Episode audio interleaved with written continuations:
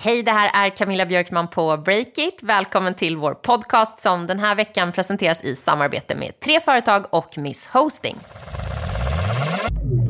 Ska barn lära sig att spela nätkasino? Hör om det nya nätfenomenet som drar in nästan lika mycket pengar som Tinder.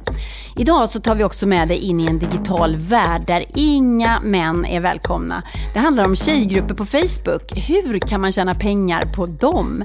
Och dessutom är Stefan Lundell på plats i studion för att ge dig det hetaste finansskvallret. Det handlar om en glödhet e-handlare som väljer att satsa på fysiska butiker. Varför då? Lundell har såklart svaret.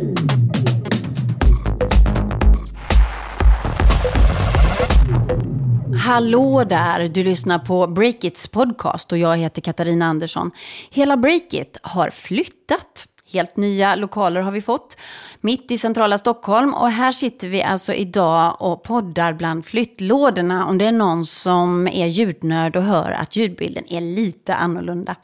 I den här podden så tar vi varje vecka upp några ämnen som Breakits redaktion tycker är extra intressanta. Så analyserar vi dem och spanar framåt. Men innan jag släpper in redaktionen, några korta nyheter.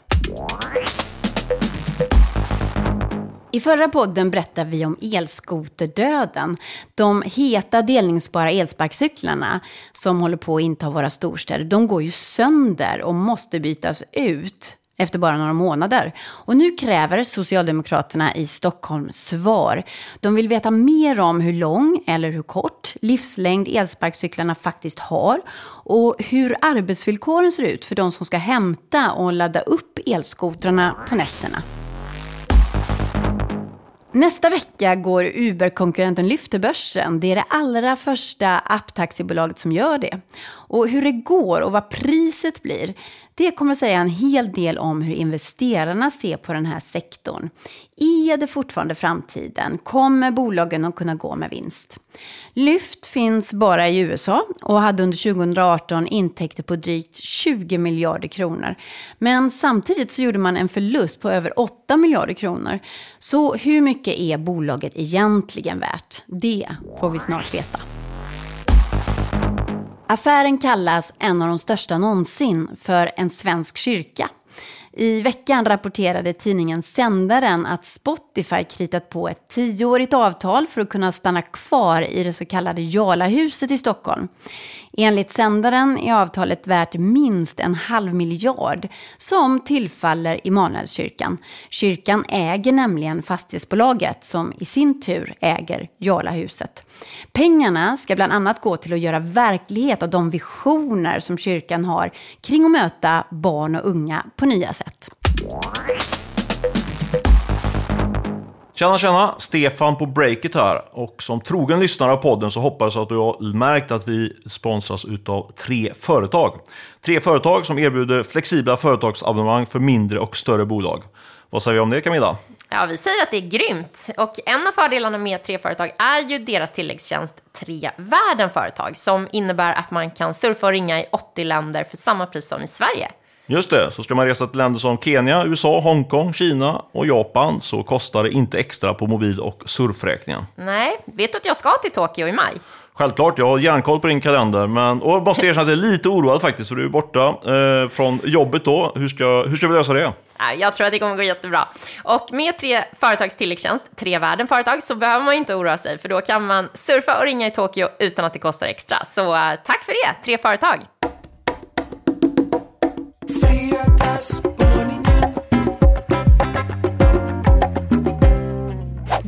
Dags för den här tavlan om ni minns den och det är ett samarbete med Coinmaster! Det här är alltså ett samarbete med Coinmaster och jag älskar roliga samarbeten. Och med roliga samarbeten menar jag mobilspel! Erik Wisterberg, välkommen in i studion. Vad var det här som vi hörde just?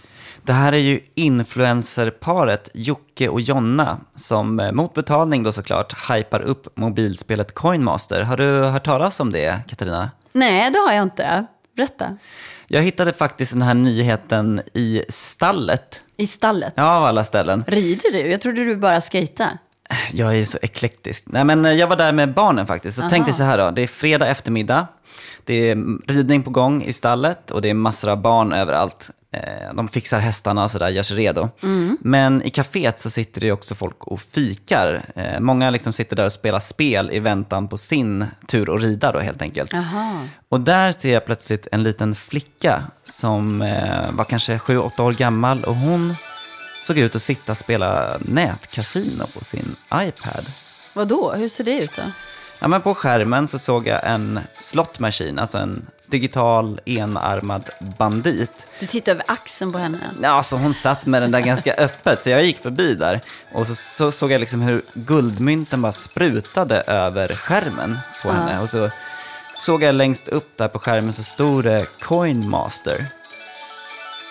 Så det var alltså samma spel då som, som Jocke och Jonna gör reklam för här i klippet som vi just hörde? Precis. Och det här spelet lanserades för typ två år sedan av en israelisk spelstudio. Och det går ut på det här då. Man ska bygga en by och sen ska man attackera andras byar. Alltså lite som Clash of Clans eh, till exempel.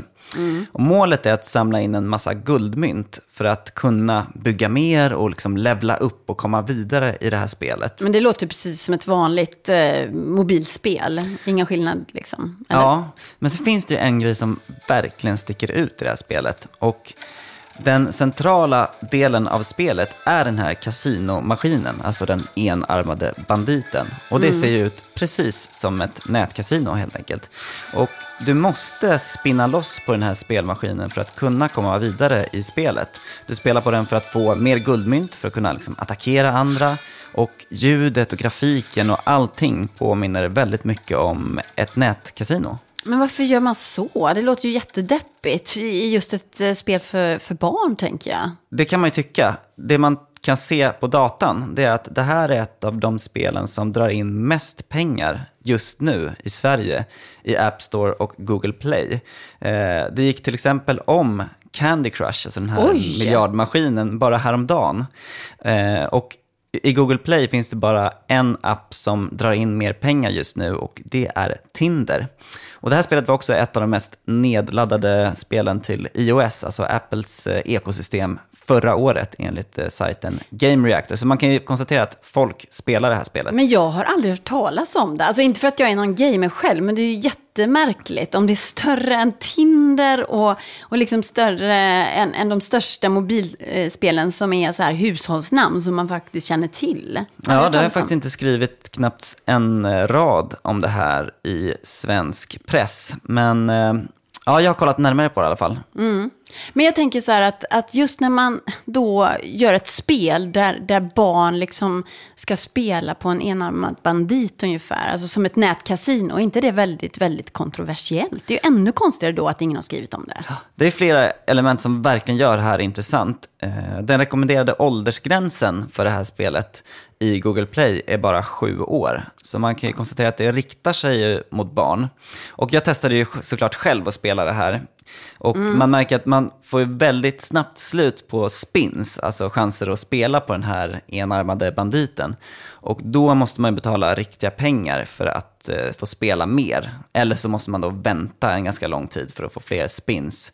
Eh, så på ett sätt så är det ju som ett nätkasino, man kan spela för riktiga pengar. Men det låter ju som att man, man ska liksom lära barn att spela nätkasino och också bli spelmissbrukare om jag nu ska spetsa till det. Eller vad säger spelbranschen? Ja, men det är den frågan som väcks. Och jag pratade med Henrik Armus som är ordförande i Spelberoendes riksförbund om det här. Och han tyckte ju att det här var oerhört allvarligt och helt vansinnigt. Kände han till det?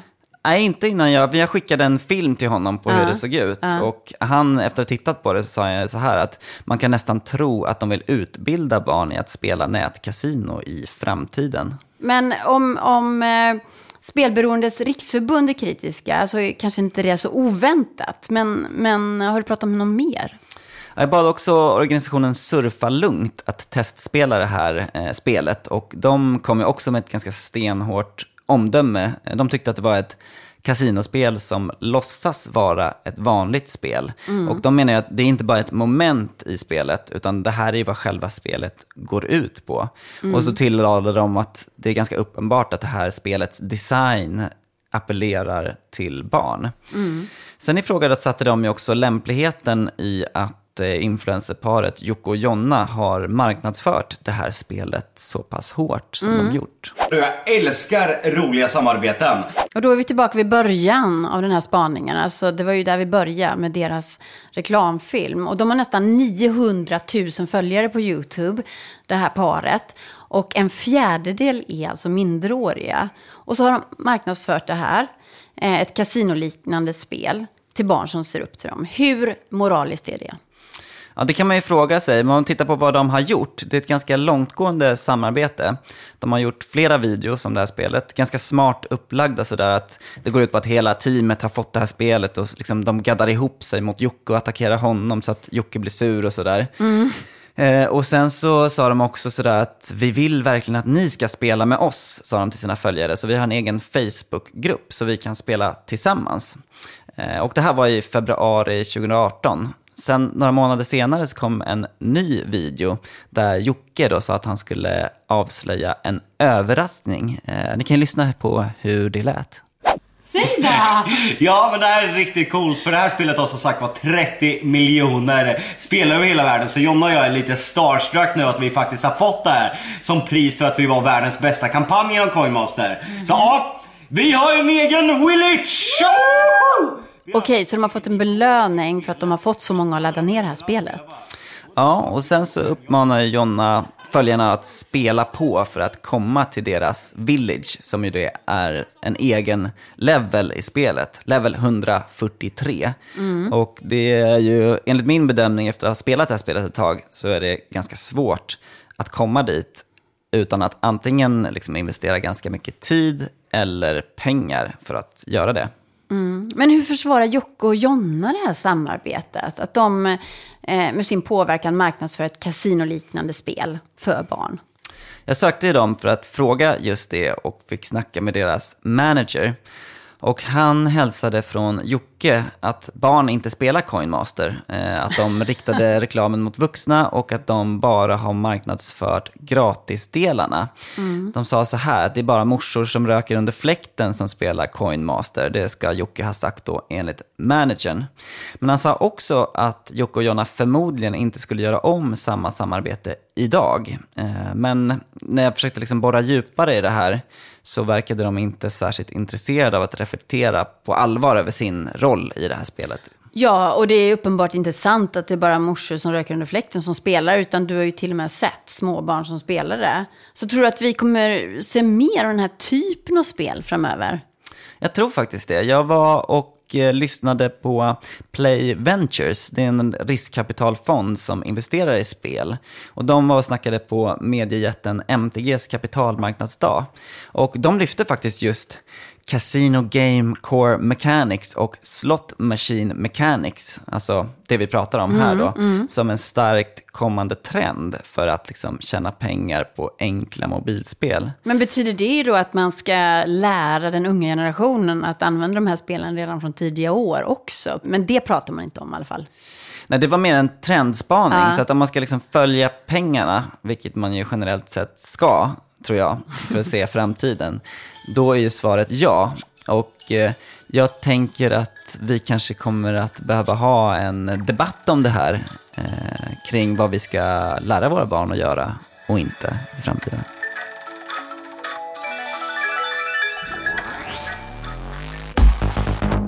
Den här veckan är Miss Hosten tillbaka som sponsor av podden. Ett riktigt kärt återseende då de faktiskt var en av våra allra första partners när breaket drog igång 2015.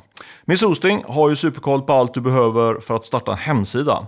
Just nu pröjsar du endast 9 kronor i månaden för ett webbhotell. Alltså en tredjedel av vad det kostar att gå ner på stan och köpa en kaffe eller en te som jag brukar göra i bästa fall. Eh, om du lyssnar på det här senast söndag den 24 mars så pågår fortfarande en kampanj där Miss Hosten säljer .se-domäner för 5 kronor stycket. 5 kronor för ett helt år alltså, men då måste du som sagt slå till den här veckan innan den tar slut, alltså vecka 12 för att vara exakt. Vill du veta mer, gå in på misshosting.se och se vad de kan göra för dig. Tack Miss Hosting!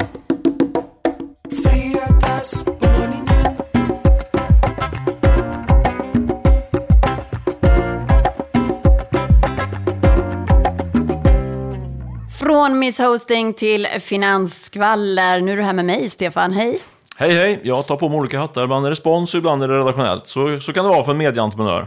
Du, eh, det är alltid kul att höra dina spaningar. Vad tycker du om att sitta här i den nya eh, poddmiljön, så att säga, bland flyttlådorna och vi har inte riktigt kommit i ordningen? Ja, men jag tycker det känns jättebra. Eh, Det är, vi har ju bara flyttat en liten, liten sträcka från vårt extremt centrala läge. Så det känns bra att vi fortfarande är i, i Stockholms eh, finans och techkvarter. Mm, det Eh, som är bra för dig, för du går ju alltid ut och dricker kaffe och äter lunch och sådär och har stora öron. Ja, stora bloms, blomkålsöron som Så- du lyssnar på allting. Superskvallrare. som sägs här på Stureplan.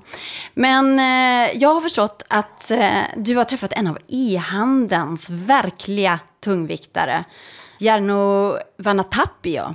Ja, det stämmer. Om man ska vara helt transparent så har jag inte träffat honom. Jag har faktiskt ringt upp honom. Han var någonstans långt, eh, långt borta. Han eh, har ju sitt centrum i Göteborg tror jag han hänger framförallt. Men han var utomlands när jag ringde honom. Men vet du var han är ifrån?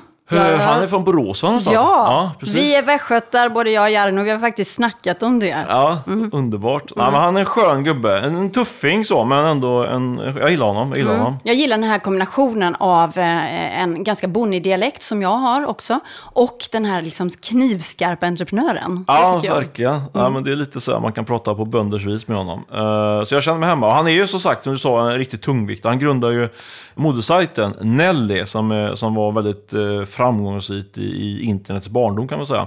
Och eh, sen krängde han av den. Det ingår ju i Kinnevik-sfären nu. Och, eh, och är nu på väg att sälja sig igen faktiskt, en liten parentes där. Men eh, nu kör han ju då Naked, eh, som är en ny modehandlare på nätet som går, så, går som tåget. Fråga först på redaktionen om någon som har handlat kläder där, men jag tror att det är väl, eh, huvudmålgruppen är ju så kallade millennials, eh, unga kvinnor. Eh, så det, och vi har ju många kvinnor på redaktionen, men de är väl i typ 30 plus de flesta, så de är inte riktigt i målgruppen. Ja, Jag är verkligen inte i målgruppen, men jag identifierar mig med unga kvinnor. Mycket bra, mycket bra. Nej, men som sagt, eh, Jarno är ju en tungviktare. Han har ju tagit in en massa riskkapital och eh, väldigt imponerande. Han har byggt upp Naked då från, från noll till, till, en, till omsättning på en miljard på årsbasis nu då bara på, på jag tror tre eller möjligtvis fyra år. Så det är en riktig snabbväxare. Eh, och det som skiljer Jarno från många andra eh, entreprenörer får man ändå säga, är det att han har redan från början ta, eh, som ambition att starta, eh, skapa ett riktigt stort internationellt varumärke och bolag. Det är liksom allt eller inget. Eh, och därför tycker jag det är extra intressant att, att snacka och följa, följa vad han har på gång helt enkelt. Vad är han har på gång nu då? Ja, men han har ju då i, i, under de här första åren byggt upp ett bolag som har ett väldigt stark närvaro på nätet. Eh, men det som, eh, som eh, var nyheten nu när jag, när jag pratade med Jarno här i veckan, det är att nu är det fokus på, på fysiska butiker faktiskt.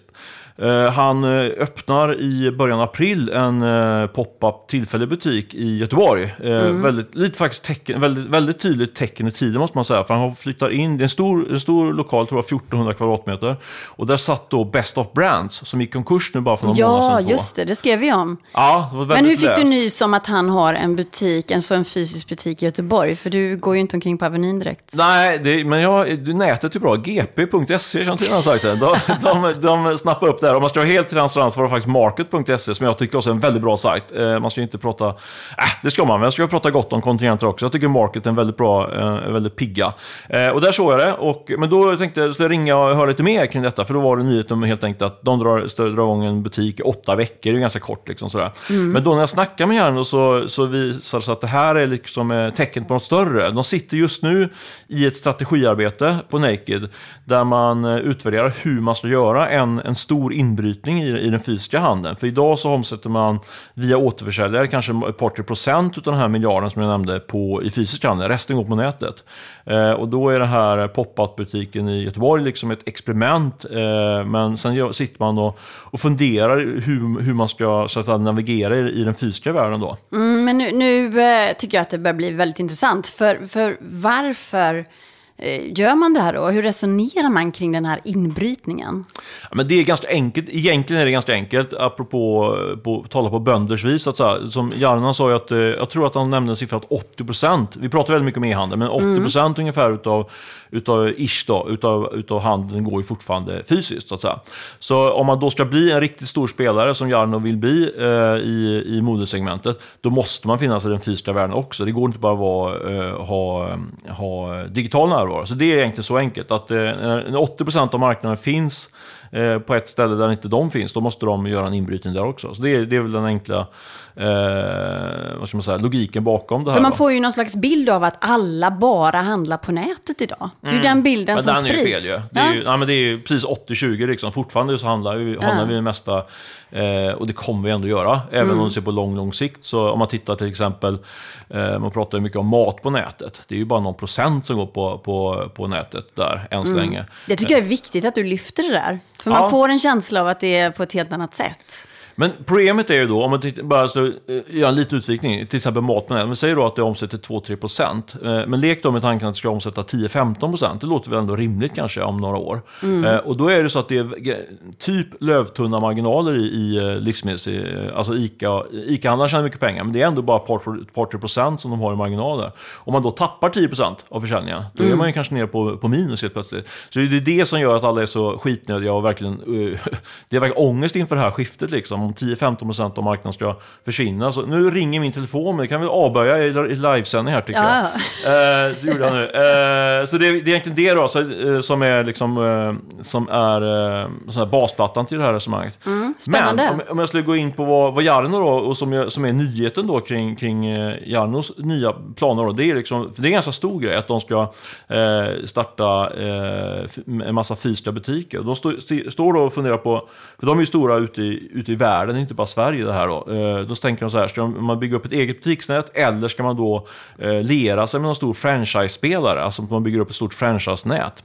Och eh, de har ju inte satt ner foten där, men jag fick lite känsla att, att men det, var, det är helt spekulativt, det sa ju inte Jarno, men, bara, men just man kan få en magkänsla om man pratar med någon, att kanske franchise-spåret ligger lite närmare till hands, för då, då behöver det är väldigt mycket en fokusfråga som Jarno sa, liksom, om, du, om du ska lägga, eh, tänk dig själv om du ska öppna 50 butiker i ett land, det är en jättegrej liksom, men om du har en franchise-aktör som har varit, med, varit duktig på att rulla ut eh, typ, den här typen av franchise-koncept tidigare då, så finns det en klar synergi där. Så kan Tror man, han fixar det? För att det verkar som att han vill ha ganska mycket kontroll och han är himla sådär vass. Men, och då vill man också ha kontroll. Så då undrar jag så här, vågar han släppa det till en franchise-lösning? Ja, det var intressant. Jag tänkte, du får nästan fråga en psykolog med. Alltså, det har nog poäng, ja, men det har nog poäng där. Alltså, det, han har säkert kontroll, kontrollbehov som man måste släppa där. Men eh, jag tror nog att eh, det är ju det om man pratar med folk, andra investerare som kanske tackat nej till att investera i Naked. Det har ju varit väldigt hett Naked att investera i det. det är Både internationellt och bland svenska investerare.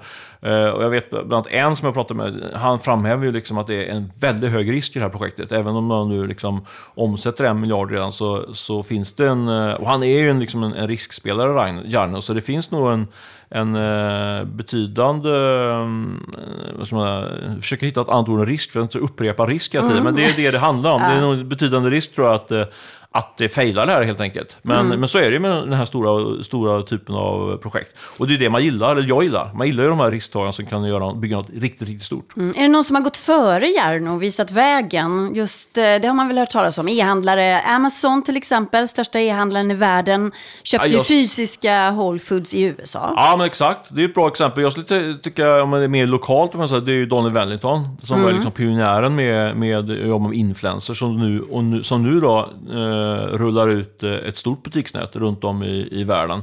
Två exempel då på, på sådana som gjort eh, det som Jarno nu planerar att göra. Det är lite spännande när den här eh, digitala världen mosas ihop med den fysiska världen. Och det går i, i lite riktningar som man inte tror. Alltså att det också går tvärtom-riktningen. Att de digitala spelarna behöver en fysisk plats. Det är ju superspännande och det är ju, och det är just det om man nu ska göra lite egenreklam, precis där vi ska vara breaket också. När man liksom tittar vi tittar inte bara på, på vad de här nya digitala spelarna gör, utan vi kollar också på hur, hur de gamla, mer traditionella spelarna, hur de orienterar sig i den nya världen. Så det, är det, i, det, i den uh, skärningspunkten, det är ju där vi vill vara och är just nu när vi lyssnar på detta. Mm. Du får fortsätta prata med Jarno Vanatapi och, och om Naked och ta reda på vad som händer där. Men sen brukar ju du ha en massa finansskvaller också. Och nu är vi ju väldigt nära Stureplan. Har du hört någonting när du gick till jobbet? Eller? Ja, alltså jag har snappat upp lite, lite sådär, lite här och där, men fastän jag har inte riktigt hunnit eh, koka ner de tankarna till podden, så jag vill hänvisa till min eh, veckokrönika Lundells vecka. Där lovar jag att breaka några små, ja, ganska stora nyheter faktiskt. Jag har bland annat, jag kan väl tisa med att vi har en, en, stor, en affär på typ 5-6 miljarder på ett bolag som är på väg att säljas. Eh, men jag kan inte uttala namnet på det, så jag måste återkomma. det är lättare i text. Du, tusen tack för att du kom. Ja, tack så du ha.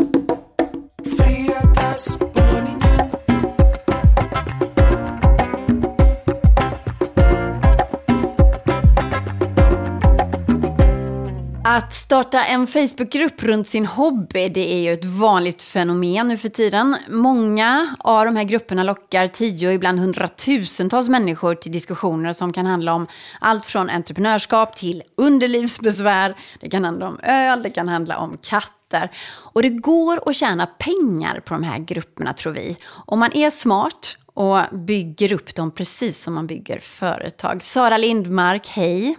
Hej, du är webbredaktör här på Breakit.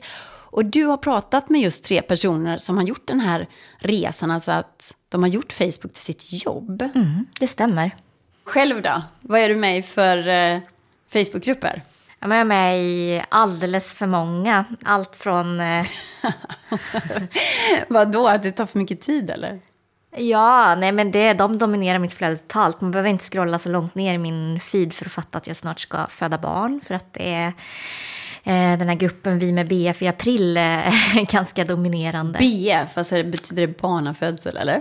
Eh, beräknad födsel. Ja, beräknad födsel. Okej, okay. mm. och där kan man diskutera precis allt möjligt? Ja, där diskuteras det allt som har med förlossningar och bebisar att göra. De här grupperna då, om det är många medlemmar så, så kan det bli väldigt många eh, poster också.